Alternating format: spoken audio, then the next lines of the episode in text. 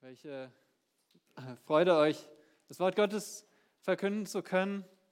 Auf der anderen Seite bin ich traurig, dass Dieter nicht hier stehen kann und predigen kann. Und der Herr möge ihn schnellstmöglich wieder gesund machen. Und so kam es auch äh, für Sam und mich eher überraschend, dass, dass ähm, ja, eine Botschaft für heute gebraucht wird. Und so eine Predigt kann man nicht mal so schnell herstellen. Und so gingen meine Gedanken zurück an die Zeit beim Seminar, wo ich auch in einer Klasse äh, alle zwei Wochen predigen musste. Und so gingen meine Gedanken an einen Text, den ich dort gepredigt habe. Dort, damals in dieser Klasse, äh, musste man sich einen Text auswählen, einmal aus dem Alten Testament, aus der Geschichte, aus den Propheten, aus den Psalmen und so bin ich zu 2. Mose 3 gekommen und möchte, dass wir diesen Text heute gemeinsam ansehen, staunen und davon lernen. Nun zuvor, lasst uns noch den Herrn um Hilfe bitten.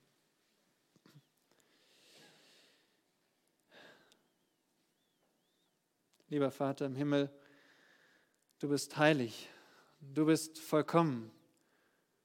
Du bist gerecht, rein und gut.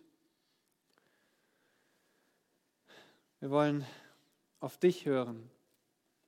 Wir wollen dein Wort in unserem Herzen tragen, auf dich blicken und dich erkennen, wie du wirklich bist. Wir wollen, dass du all unsere falschen Vorstellungen von dir wegnimmst, dass du uns korrigierst und dass du uns offenbarst, wo wir gar nicht an den wahren Gott glauben, sondern einen falschen Götzen verehren. Vater, bitte lass es ein Tag des Heils sein, auch hier an diesem Ort. Lass es ein Tag der, der Erbauung deiner Gemeinde sein, wo wir uns an deinem Wort ernähren, wo wir von dir zehren, unserem heiligen Gott, der uns gnädig ist und der wahrlich rettet. Bitte gib nun Gnade zum Reden und zum Hören. Amen. Wer rettet mich aus dieser Misere? Bestimmt hast du das auch schon mal geseufzt. So, wer, wer rettet mich? Ob kleine oder große Verzweiflung, vermutlich hat sich jeder von uns schon mal so gefühlt, in der Klemme? Wer rettet mich aus diesem Konflikt? Wer rettet mich aus der Überlastung? Wer rettet mich aus meinen Schmerzen? Wer rettet mich aus meiner Traurigkeit? Wer rettet mich aus meiner Armut? Wer rettet mich aus meinem Elend? Und wenn wir dann den Blick einmal von uns selbst abwenden, werden die Fragen nur noch größer. Wer rettet uns aus der Pandemie? Wer rettet uns vor der Teuerung? Wer rettet uns vor Werteverfall? Wer rettet uns vor Kriegen? Wer rettet uns vor Diktatur? Wer kann uns denn retten? Wenn wir uns diese Fragen stellen und auf uns wirken lassen, dann können wir uns in die Lage des Volkes Israel versetzen vor 3500 Jahren. Wenn wir diesen Zeitsprung zurückmachen, dann sind die hebräischen Sklaven in Ägypten und erleben großes Elend. Gott, der Schöpfer dieser Welt, hatte die eine Familie von Israel in Ägypten zu einer Nation heranwachsen lassen. Und Gott selbst hatte auch zugelassen, dass ein ruchloser Pharao das Land regierte. Aus Angst vor dem Volk versklavte er Israel und er ging schon sogar so weit, dass er einen Völkermord versuchte. Ja, Gott ließ zu, dass dieser Pharao alle männlichen Babys töten lassen wollte. Und damit entlarvte sich der Pharao als Instrument des Teufels. Warum? Nun, von Anfang an bekämpft Satan den Plan Gottes, dass Gott einen Retter sendet für uns Menschen. Das lesen wir schon in 1. Mose 3, Vers 15 von der Schlange. Aber weil der Retter aus dem Volk Israel kommen sollte, deswegen facht der Teufel diesen Völkermord in Ägypten an. Der Pharao stirbt, aber auch sein Nachfolger setzt die Unterdrückung fort. Und Israel? Israel seufzt. Israel schreit, aber scheinbar nichts passiert. Bis Gott einen Mann beruft, Mose. Und diesem Mose begegnet Gott. Und diesem Mose versichert Gott, dass, dass er jetzt rettet. Und so schlagt bitte mit mir 2. Mose 3 auf. 2. Mose Kapitel 3. Und das Thema des Buches ist Erlösung. Mose dokumentiert, wie Jahwe sein Volk aus der Sklaverei in Ägypten erlöst. Und Jahwe befreit sein Volk, um mit ihnen einen Bund einzugehen am Berg Sinai und mitten unter ihnen zu wohnen. Und davon haben wir gerade gelesen oder gehört in den Anweisungen zur Stiftshütte. In Kapitel 3 ist Israel aber noch in Ägypten und Mose in der Wüste. 40 Jahre lang wurde Mose beim Pharao selbst ausgebildet. Und Mose versuchte sein Volk zu befreien, aber sein Versuch scheiterte. Und so musste er vor dem Pharao fliehen. Und er floh in Richtung Osten in das Land Midian, in der arabischen Wüste. Und dort was machte Mose dort? Er hütete 40 Jahre lang Schafe. So auch an diesem besonderen Tag. Mose ist am Berg Sinai und da sieht er einen brennenden Busch. Eigentlich nichts Ungewöhnliches in der Wüste. Aber dieser Busch ist besonders, weil er brennt, aber er, das Feuer hört nicht auf. Es brennt immer weiter. Er wird nicht verzehrt. Und in diesem brennenden Busch erscheint Gott Mose und trägt ihm auf, geh zum Pharao und führe mein Volk aus der Knechtschaft. Aber ihr müsst wissen, Ägypten ist eine Weltmacht. Und so entgegnet Mose mit fünf Einwänden. Fünf Einwände gegen seine Berufung. Als erstes sagt er, wer bin ich? Wer bin ich, dass ich Israel erlösen sollte. Stell dir einmal vor, du bekommst den Auftrag, geh nach Nordkorea. Du bekommst keine Waffen, keine Armee und du gehst zu Kim Jong-un und sagst, lass alle verfolgten, inhaftierten Christen gehen. Was würdest du sagen? Mose sagte, wer bin ich? Aber nicht weniger unmöglich ist unsere Mission heute. Was ist unsere Mission? Was ist unser Geh hin? Unsere Mission ist, geht nun hin in alle Welt und macht zu, Nation, macht zu Jüngern alle Völker. Kämpft gegen die Mächte, die finsteren Mächte Satans. Aber Wisst dabei, dass Satan diesen Menschen, die ihr trefft, den Verstand verblendet hat. Außerdem hat Satan eine Fest Festungen von falschen Lehren errichtet. Die stehen euch auch gegenüber. Und Satan hält alle Menschen durch ihre Begierden im Bann und sie wollen nicht zu Gott kommen. Was macht dich jetzt zuversichtlich für diesen Auftrag? Geh hin und mach zu Jüngern alle Völker? Oder hast du die Zuversicht schon aufgegeben? Wer kann uns Rettung schenken? Wer kann unsere Regierung erretten? Wer kann deinen Chef zum Christen machen? Wer kann deine Kollegen bekehren? Wer kann deine Kinder zu gläubigen Menschen machen? Nun, diese Antwort müssen wir kennen, um unsere Mission zu erfüllen. Sonst können wir gleich aufgeben. Und was für Mose galt, das gilt auch noch heute. Und darum drei Versicherungen, dass, Mose, dass Gott wirklich rettet, damit wir unsere Mission erfüllen. 2. Mose 3, die Verse 13 bis 22, drei Versicherungen, dass Gott wirklich rettet. Lesen wir gemeinsam den Text. Und Mose sprach zu Gott, und das ist jetzt sein zweiter Einwand. Siehe, wenn ich zu den Kindern Israels komme und zu ihnen sage, der Gott eurer Väter hat mich zu euch gesandt, und sie mich fragen werden, was ist sein Name? Was, was soll ich ihnen sagen? Gott sprach zu Mose, ich bin, der ich bin. Und er sprach, so sollst du zu den Kindern Israels sagen, ich bin, der hat mich zu euch gesandt.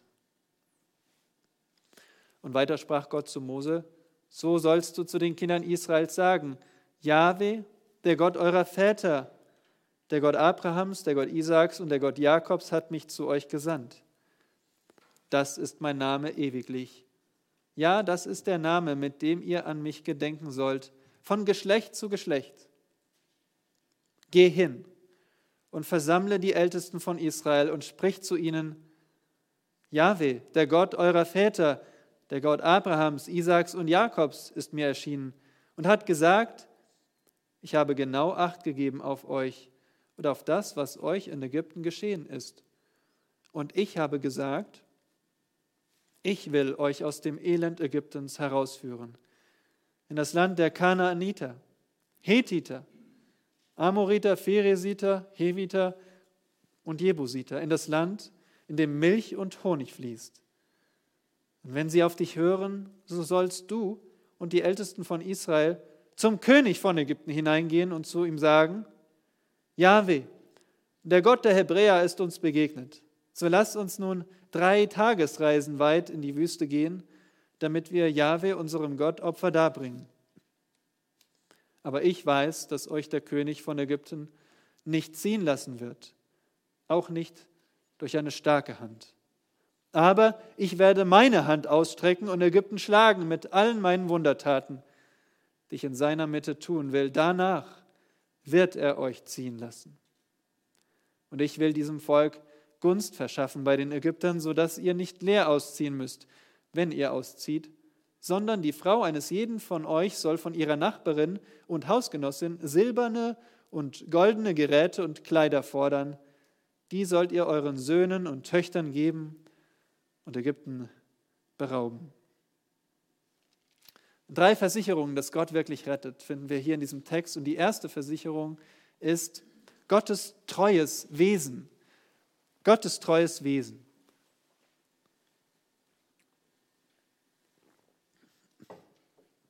Und Gott beruft Mose zu dieser kolossalen Aufgabe. Und Moses erster Einwand ist menschlich logisch, nämlich, wer bin ich? Gott antwortet, alles hängt an mir. Nun, Mose bringt einen zweiten Einwand vor und sagt, wenn alles an dir hängt, Gott, wie stelle ich klar, welcher Gott mich jetzt gesandt hat? Und so antwortet Gott auf gewaltige Weise. Er offenbart seinen eigenen Namen. Was ist sein Name? Schaut mal in Vers 13. Ist das nicht überflüssig, diese Frage? Mose sagt doch, der Gott eurer Väter hat mich zu euch gesandt. Das ist doch schon die Bezeichnung, wer ihn gesandt hat. Nun, Mose fragt trotzdem, was ist sein Name? Denn diese Frage zielt darauf ab, nicht äh, wer ist es, sondern was ist sein Name. Also nicht bloß die Identität, sondern die Qualität. Nicht nur der Titel, sondern er fragt nach dem Wesen. Der Name steht für das Wesen und für den Charakter. Was ist sein Name? Mose fragt nach dem Wesen Gottes. Was soll ich ihnen sagen, wer du bist? Denn sie sind in Knechtschaft. Sie haben ihre eigenen Söhne verloren. Die wurden hinterhältig getötet. Warum sollten sie jetzt vertrauen? Nun, wie lautet sein Name? Gott gibt eine Antwort in Etappen. Er gibt erst die Bedeutung des Namens und dann den eigentlichen Namen selbst. Also erst die Bedeutung des Namens und die finden wir in Vers 14. Gott sprach zu Mose, Ich bin, der ich bin. Ich bin, der ich bin. Was sagt das über den Charakter Gottes aus? Ich möchte, dass ihr an drei verschiedene Eigenschaften denkt, die wir hieraus lernen, die wir mitnehmen und behalten und immer daran denken wollen, wenn wir Gottes Namen hören. Das erste ist, Gott ist ewig. Sein Name bedeutet, ich bin, der ich bin. Dieses Ich bin ist uneingeschränkte Zeit. Ich bin. Er ist einfach. Gott existiert schon vor Erschaffung der Welt. Gott wird auch ewig bestehen, sagt die Schrift, und er existiert von Ewigkeit zu Ewigkeit. Er ist der Erste und der Letzte zugleich. Gott ist der eine, der einfach ist. Vielleicht habt ihr schon mal diese Illustration gehört für Ewigkeit, dass dort ein Felsen an der Küste steht und, und dann kommt da ein Vogel vorbei, um seinen Schnabel zu schärfen. Aber dieser Vogel nur Einmal in allen, in tausend Jahren kommt ein Vogel vorbei und schärft seinen Schnabel. Und wenn der Fels ganz weg ist, dann ist ein Tag der Ewigkeit vorbei. Ewigkeit können wir uns nicht vorstellen. Das ist jenseits unserer, unserer Grenzen. Aber Gott ist ewig, der ich bin. Zweitens, er ist auch unabhängig. Denn er sagt und stellt sich vor, ich bin, der ich bin. Was lernen wir daraus? Wer bist du denn nun? Ich bin, der ich bin. Gott braucht keine Definition. Es ist nicht interessant, dass er, Gott sagt nicht, ich bin der Himmlische. Er sagt nicht einmal, ich bin der Gute oder ich bin der Retter. Nein, er sagt, ich bin der ich bin. Warum? Weil er unabhängig ist von allem anderen, was ihn erklären könnte ich bin der Retter, dann musst du erstmal erklären, was Rettung ist und du legst fest, was Rettung ist. Nein, ich bin der ich bin. Es, es gibt keinen Vergleich, der nötig ist. Gott bestimmt selbst seine Existenz. Er bestimmt selbst, wer er ist und dass er da ist. Gott allein braucht niemanden, um sonst zu existieren. Er ist von niemandem abhängig. Er ist sich selbst genug. Und das bedeutet auch, dass er souverän ist. Er braucht sich nach niemandem zu richten, er ist überall, über allem und er ist unabhängig von allem. Denke mal nach, wie viel wir eigentlich so täglich brauchen oder auch nicht brauchen, aber nutzen. Du brauchst Luft, du brauchst Nahrung, du brauchst Schlaf, Du brauchst Strom, Telefon, Transport, Computer, Heizung, Internet, Geschäfte zum Einkaufen, Schlüssel. Du brauchst Schutz, Polizei, Medizin, Ärzte, Geld, Bildung. Du brauchst Gesellschaft von anderen Menschen. All das, von all dem sind wir abhängig. Aber Gott ist von all dem unabhängig. Er braucht das alles nicht. Das drückt sein Name aus. Gott, er ist einfach da und niemand darf ihn definieren. Und drittens lernen wir, Gott ist unveränderlich. Denke mal nach. Gott ist der Ich Bin. Das heißt, er ist immer da. Er ist der Ich Bin, der Ich Bin. Also niemand kann ihn irgendwie verändern. Er braucht keinen Vergleich. Es gibt bei ihm, niemand kann ihn beeinflussen.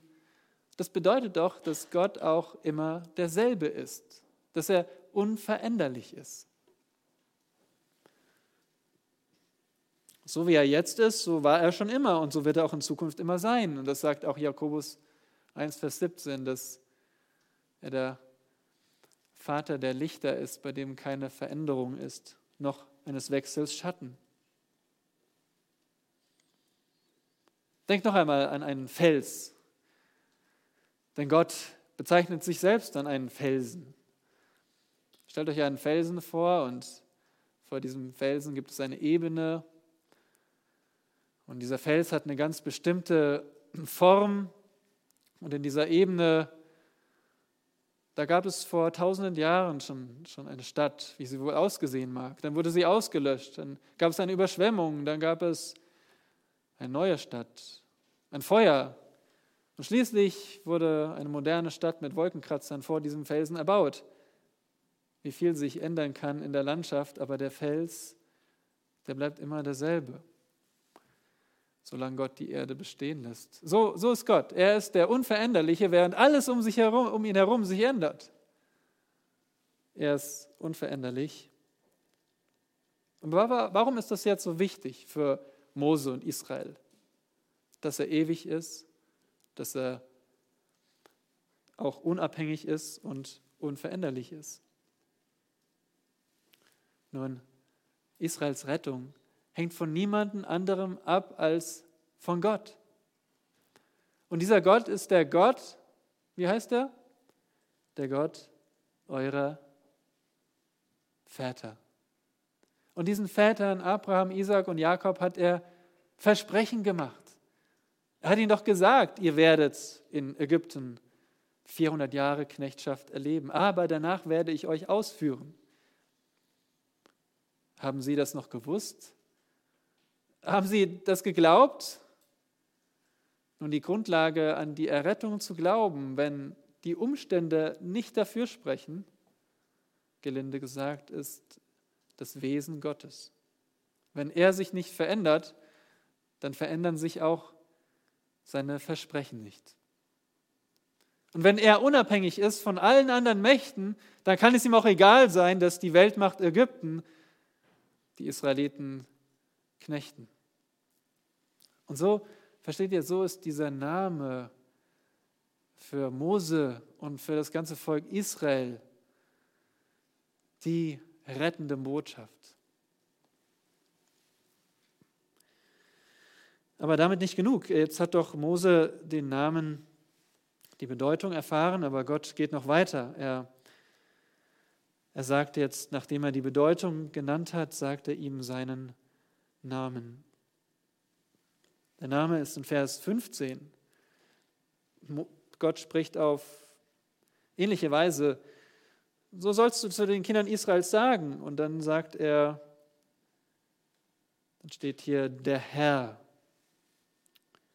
hat mich gesandt. Und dieses der Herr, seht ihr, steht hier in Großbuchstaben. Und dieses äh, Herr in Großbuchstaben steht für den Namen Gottes. Das hier nicht der Name, wie er ausgesprochen wurde, steht, kommt daher, dass im dritten Jahrhundert vor Christus eine jüdische Sekte aus Furcht vor dem dritten Gebot den Namen ersetzt hat. Daher stammt diese Gewohnheit, den Namen Gottes mit Herr zu ersetzen, um den Namen nicht aus Versehen zur Unehre auszusprechen. Aber wenn wir das rekonstruieren, so sind die vier Buchstaben im Hebräischen Yahweh auszusprechen. Also da, wo hier das Großbuchstaben Herr steht, da steht ursprünglich Yahweh und in der Kurzform Ja. Yahweh in der Kurzform ist Ja. Und das finden wir auch häufig in der Bibel. Halleluja. Jesaja. Hiskia. Immer wieder dieses Ja. Dieses Ja drückt Emotionen aus. Das kann Freude ausdrücken. Halleluja. Das kann aber auch ausdrücken, Herr, hilf. Ja, hilf. Wenn man gar nicht mehr richtig beten kann, nur noch seufzen kann. Das ist sein Name. Und dieses Wort Jahwe fehlt in den ersten Kapiteln in 2. Mose, weil Jahwe auf seine Zeit wartet, wann er seine Eigenschaften, vor allem seine Treue zum Volk Israel demonstriert. Jahwe ist schon immer der Gott der Väter, aber jetzt hat er die, diese Umstände bereitet, um zu zeigen, dass er auch der treue Gott ist, der seine Verheißung hält. Und da sind wir bei uns. Kennst du diesen treuen Gott? Kennst du den lebendigen Gott? Kennst du Yahweh, den unvergleichlichen, den unveränderlichen, den ewigen und unabhängigen Gott? Er sagte an anderer Stelle, bevor Abraham geboren wurde, ich bin. Wer sagte das? Jesus. Er verwendet Gottes Namen, ich bin, in vielen seiner Worte. Jesus, sein Name kommt von Jeshua, also Ja rettet, Jahwe rettet. Nicht ich und Jahwe retten, sondern Jahwe rettet. Das sagt der Name Jesus aus. Und das musst auch du verstehen, annehmen, glauben. Du kannst dich nicht retten. Nur Jahwe kann dich retten. Er ist der einzige Retter, den es gibt. Er ist Jesus.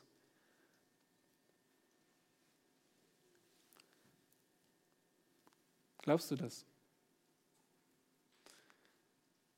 Jesus allein kann uns auch von der Sünde retten als Gläubige. Wisst ihr, wir müssen tagtäglich gerettet werden. Tagtäglich stehen wir im geistlichen Kampf und brauchen Errettung von der Sünde. Aber zurück zu unserem Text. Warum beendet Gott seine Antwort an Mose nicht dort? In Vers 15. Nicht nur, er gibt nicht nur die Antwort auf die Frage, sondern er kennt auch Moses Sorgen und Zweifel. Er kennt auch unsere Gedanken. Und so versichert Yahweh noch weiter. Was ist die zweite Versicherung, dass Gott wirklich rettet? Die zweite Versicherung ist Gottes erbarmendes Herz. Gottes erbarmendes Herz. Mose kennt jetzt Gottes Namen, Yahweh. Aber mit der Information ist es noch nicht getan. Yahweh ist untrennbar mit seinem Volk verbunden. Und jetzt lernt Mose, wie Yahweh über Israel denkt und fühlt. Vers 16. Vers 16 wiederholt Yahweh seinen Befehl an Mose aus Vers 10. Geh hin. Geh zu den Führern Israels. Und was lautet seine Botschaft? Äh, wie lautet seine Botschaft? Die Botschaft ist, ich befreie euch jetzt. Aber bevor er diese Befreiung beschreibt, sagt Gott, wie er fühlt und denkt. Achtet mal auf dieses Wort Acht geben. Acht gegeben. Oder die Elberfelder sagt angesehen. Dieses Wort bedeutet mehr als nur beobachten. Es bedeutet sorgfältig untersuchen. Sorgfältig ansehen, um sich jemandem anzunehmen, um jetzt zur Tat zu schreiten. Gott ist kein Arzt, der mitleidig die Qualen der Patienten sieht, aber nichts dagegen tut. Jahwe ist nicht kalt und nicht gleichgültig. Was hier in Vers 16 steht, ist, dass Jahwe wirklich betroffen ist von dem Elend seines Volkes. Er ist, er ist besorgt und er will sich kümmern. Und schaut mal, hier steht, ich habe genau Acht gegeben das könnte man auch übersetzen mit, ich habe ganz sicher Acht gegeben, ganz gewiss, ohne den geringsten Zweifel. Und das hat auch schon Josef geglaubt. In 1. Mose 50, Vers 24 lesen wir äh, die letzten Worte von Josef und er sagt, ich sterbe, aber Gott wird euch gewiss heimsuchen. Und in Vers 25 nochmal, gewisslich wird Gott euch heimsuchen. Dieses Wort heimsuchen ist dasselbe wie angesehen oder an, wie heißt es hier, Acht gegeben. Er wird euch, er wird sicher auf euch Acht geben. Also, versteht ihr, es ist mehr als nur ein Beobachten, ein Ich sehe, was passiert. Es ist ein Ich, ich untersuche die Situation und ich handle dementsprechend. Aber wie passt das mit dem Leiden zusammen? Wenn Gott doch alles so sorgfältig angesehen hat, warum lässt er Israel so lange in ihrer Knechtschaft? Wir kennen diese Warum-Fragen. Warum tut Gott es so? Warum erst jetzt? Lasst uns mal überlegen, was Gottes oberstes Anliegen ist. Gott ist, ich bin, der ich bin. Er ist unabhängig von allem und er hat ein großes Anliegen, nämlich seine eigene Ehre. Keiner von uns verdient das Erbarmen, auch Israel nicht. Aber trotzdem gilt es, der Ich bin war immer besorgt um sie. Aber jetzt ist der Zeitpunkt gekommen, wo er sie rettet, zu seiner Ehre. Weil Gottes Ehre ist es, den Fluch der Sünde in Heil umzukehren. Das bringt ihm Ehre. Aber nach seinem Plan, nach seinem Zeitplan. Nun, Gottes Herz erbarmt sich. Wir blicken in Gottes Herz hinein. Er ist ein Gott, der sich sorgt, der, der Erbarmen hat. Und das sehen wir auch im Neuen Testament, wenn es heißt, dass Gott will, dass alle Menschen zur Errettung kommen. Er will, dass sich die Erde zu ihm wendet. Er will, dass jeder Raum zur Buße hat. 2. Petrus 3, Vers 9. Hattest du schon mal so ein, ein starkes Anliegen für eine unbekehrte Person? Und hast angefangen zu beten, aber dann merkst du, wie so Tage und Wochen vergehen und du betest weniger, bis du gar nicht mehr betest.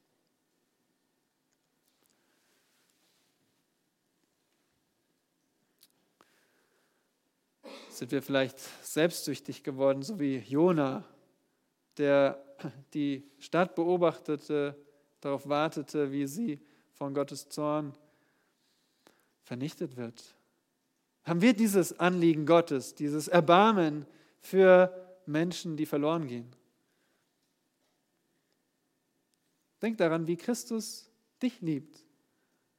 Christus hat aus Liebe deine Schande getragen aus Liebe deinen Zorn auf sich genommen. Das, was du verdient hast. Das ist sein Erbarmen für dich. Und das ist dieselbe Sorge, die er hat für eine verlorene Welt. Und diese Sorge für die verlorene Welt versichert uns, dass Gott wirklich rettet. Und am Anfang der Botschaft steht, dass versklavte Volk. Und es sieht, wir sehen hier Gottes erbarmendes Herz. Und jetzt offenbart Jahwe seinen Rettungsplan. Was ist die dritte Versicherung, dass Gott wirklich rettet? Das ist drittens Gottes aktiver Plan. Gottes aktiver Plan. Aktiv, weil es nicht nur ein Plan ist, der irgendwann umgesetzt wird, sondern er ist schon dabei, umgesetzt zu werden. Gott hat diesen Mose schon, das sehen wir doch am Anfang des Buches, er hat ihn schon vor dem Tod bewahrt. Gott hat all das schon gelenkt, damit zu seiner Zeit, 80 Jahre später, Mose gesandt wird. Und hier, das ist wirklich atemberaubend, wie Gott vorher schon alles genau beschreibt, was geschehen wird, wie sein Plan aussieht zur Errettung. In Versen 17 bis 22. Und diesen Plan hat Yahweh schon Abraham vorher gegeben, wenn er sagt in 1. Mose 15, Vers 14, was passieren wird. Da heißt es, aber auch das Volk, dem sie dienen müssen, das Volk Israel, also aber auch das Volk, dem sie Nachkommen von Abraham dienen müssen, will ich richten. Und danach sollen sie mit großer Habe ausziehen. 400 Jahre später ist es immer noch derselbe Plan. Sie sollen ausziehen aus Ägypten und sie sollen in ein verheißenes Land einziehen nach Kanaan. In ein Land des Überflusses, was hier auch ausgedrückt wird mit dem Land, in dem Milch und Honig fließt.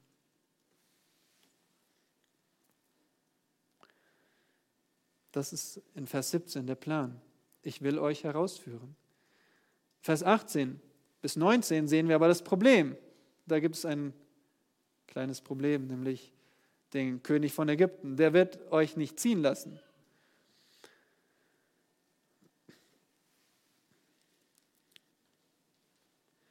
Diese, dieser Widerstand kommt nicht von den Ältesten. Die sind am Anfang noch mit Mose, aber der König von Ägypten, der Pharao, er wird sie nicht ziehen lassen.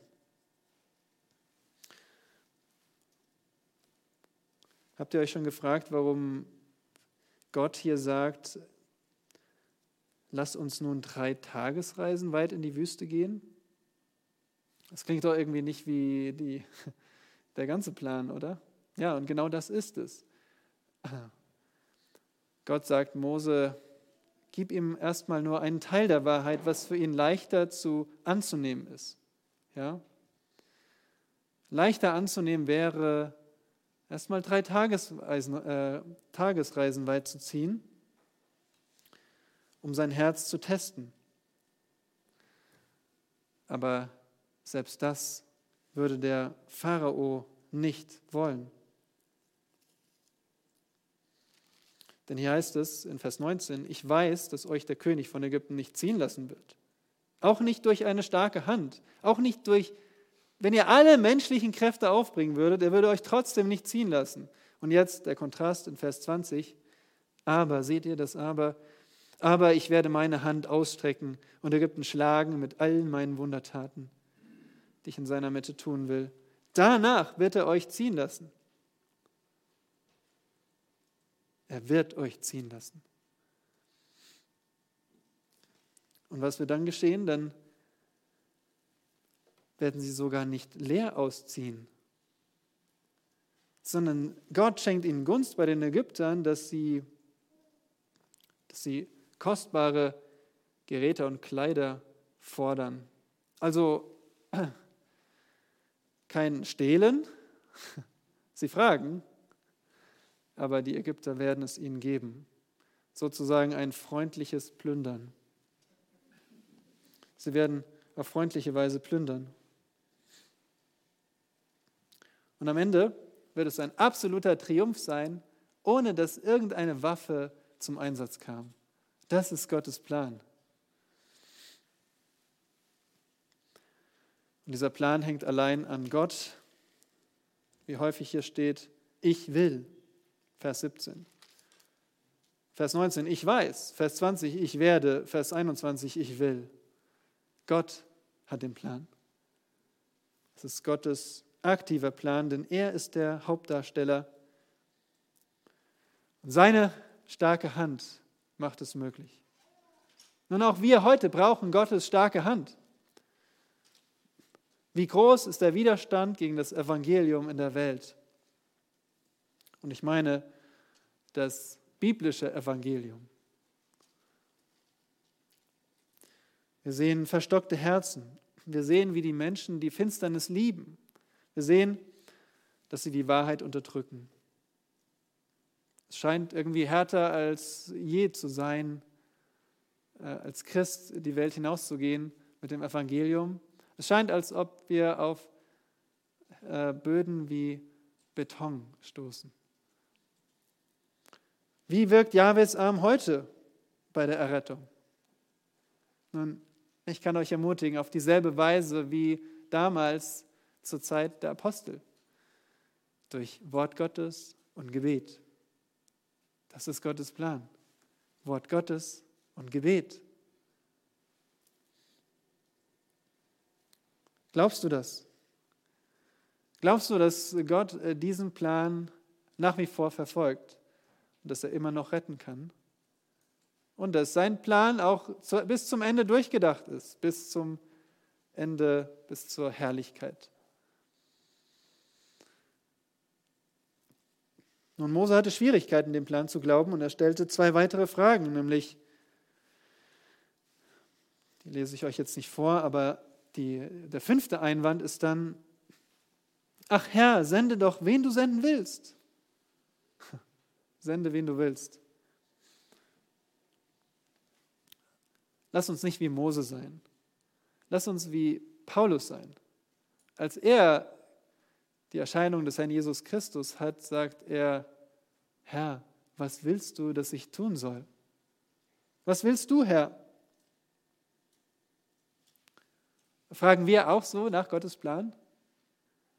Betest du für ungläubige Menschen? Nutzt du die Möglichkeiten, die du hast, das Evangelium zu den Menschen zu bringen? Wort Gottes und Gebet. Nun, selbst aus unserem Text in 2. Mose 3 gibt es einen klaren Pfad zum Evangelium und den möchte ich euch zum Abschluss zeigen und als Vorbereitung, dass wir mit neu gewonnener Freude des Herrn feiern können. In 2. Mose 3, Vers 2 erscheint Mose der Engel des Herrn, der Engel Jahwes. In Vers 4 lesen wir, wer das ist. Als aber Jahwe sah, dass er hinzutrat, um zu schauen, rief ihm Gott mitten aus dem Dornbusch zu und sprach. Also dieser Engel Jahwes ist derselbe wie Jahwe und Gott. Es ist Gott selbst. Und wisst ihr, was dieser, diese Person sagt? Vers 7. Ich habe das Elend meines Volkes in Ägypten sehr wohl gesehen und habe ihr Geschrei gehört über die, welche sie antreiben. Ja, ich kenne ihre Schmerzen. Wer ist das? Nun, der Engel Jahwes ist der Sohn Gottes. Denn der Vater erscheint nicht den Menschen, sondern er sendet seinen Sohn, der den Vater kundtut, auslegt und sichtbar macht. Und darum ist der Engel des Herrn der Sohn Gottes. Als er noch nicht Mensch geworden war. Er ist der Messias, er ist unser Herr Jesus und er sagt, ich kenne ihre Schmerzen. Wie kann er das sagen?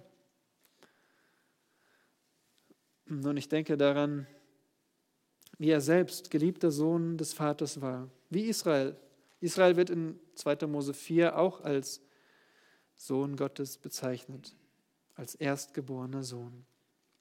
Jesus war der eingeborene Sohn und ist der eingeborene Sohn des Vaters. Und er kennt diese Schmerzen, weil er später zum Mann der Schmerzen wurde. Er nahm die Schmerzen des Volkes auf sich. Wie geht das? Nun, der Messias Jesus ging unschuldig ans Kreuz von Golgatha.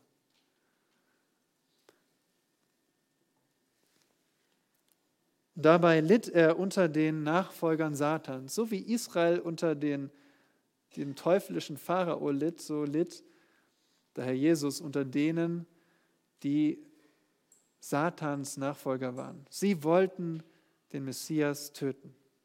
Sie waren vom Satan inspiriert und er litt unter ihnen wie das Volk Israel. Das Volk Israel schrie, aber interessanterweise lesen wir nicht, dass sie zu Gott schrien. Es heißt einfach, dass sie schrien. Von dem Messias wissen wir, dass er am Kreuz schrie, mein Gott, mein Gott, warum hast du mich verlassen? Er schrie nach seinem Vater, aber war sechs Stunden am Kreuz, drei davon in Finsternis. In diesem Psalm 22, den er zitiert, da steht aber, dass er auch erhört wurde. Und das kam später. Als er die Schuld von Sündern beglichen hat am Kreuz, dann wurde er erhört. Dann wurde er erhöht. Er ist auferstanden von den Toten und aufgefahren in den Himmel und er wird wiederkommen, um zu richten. Und jetzt, wo er im Himmel ist, da gilt, wer seinen Namen anruft, den Namen des Herrn Jesus Christus, der wird, der wird errettet werden. Wirklich.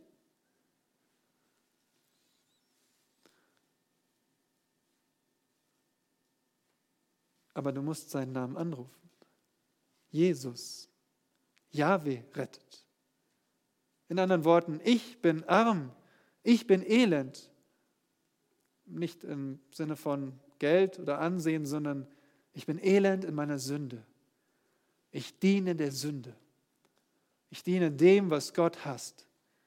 Ich lebe für alles und jenes, aber nicht für Gott. Und Jesus muss mich retten. Yahweh muss mich retten. Und nur Yahweh kann mich retten. Ich kann mich nicht selbst retten. Ich kann nicht irgendetwas dazu tun. Ich kann keine guten Werke bringen. Ich bin bankrott. Ich bin arm. Jesus allein muss mich retten. Hast du den Namen des Herrn angerufen? Tatsächlich mit deinen Worten und mit völliger Kapitulation vor ihm. Dann wirst du errettet.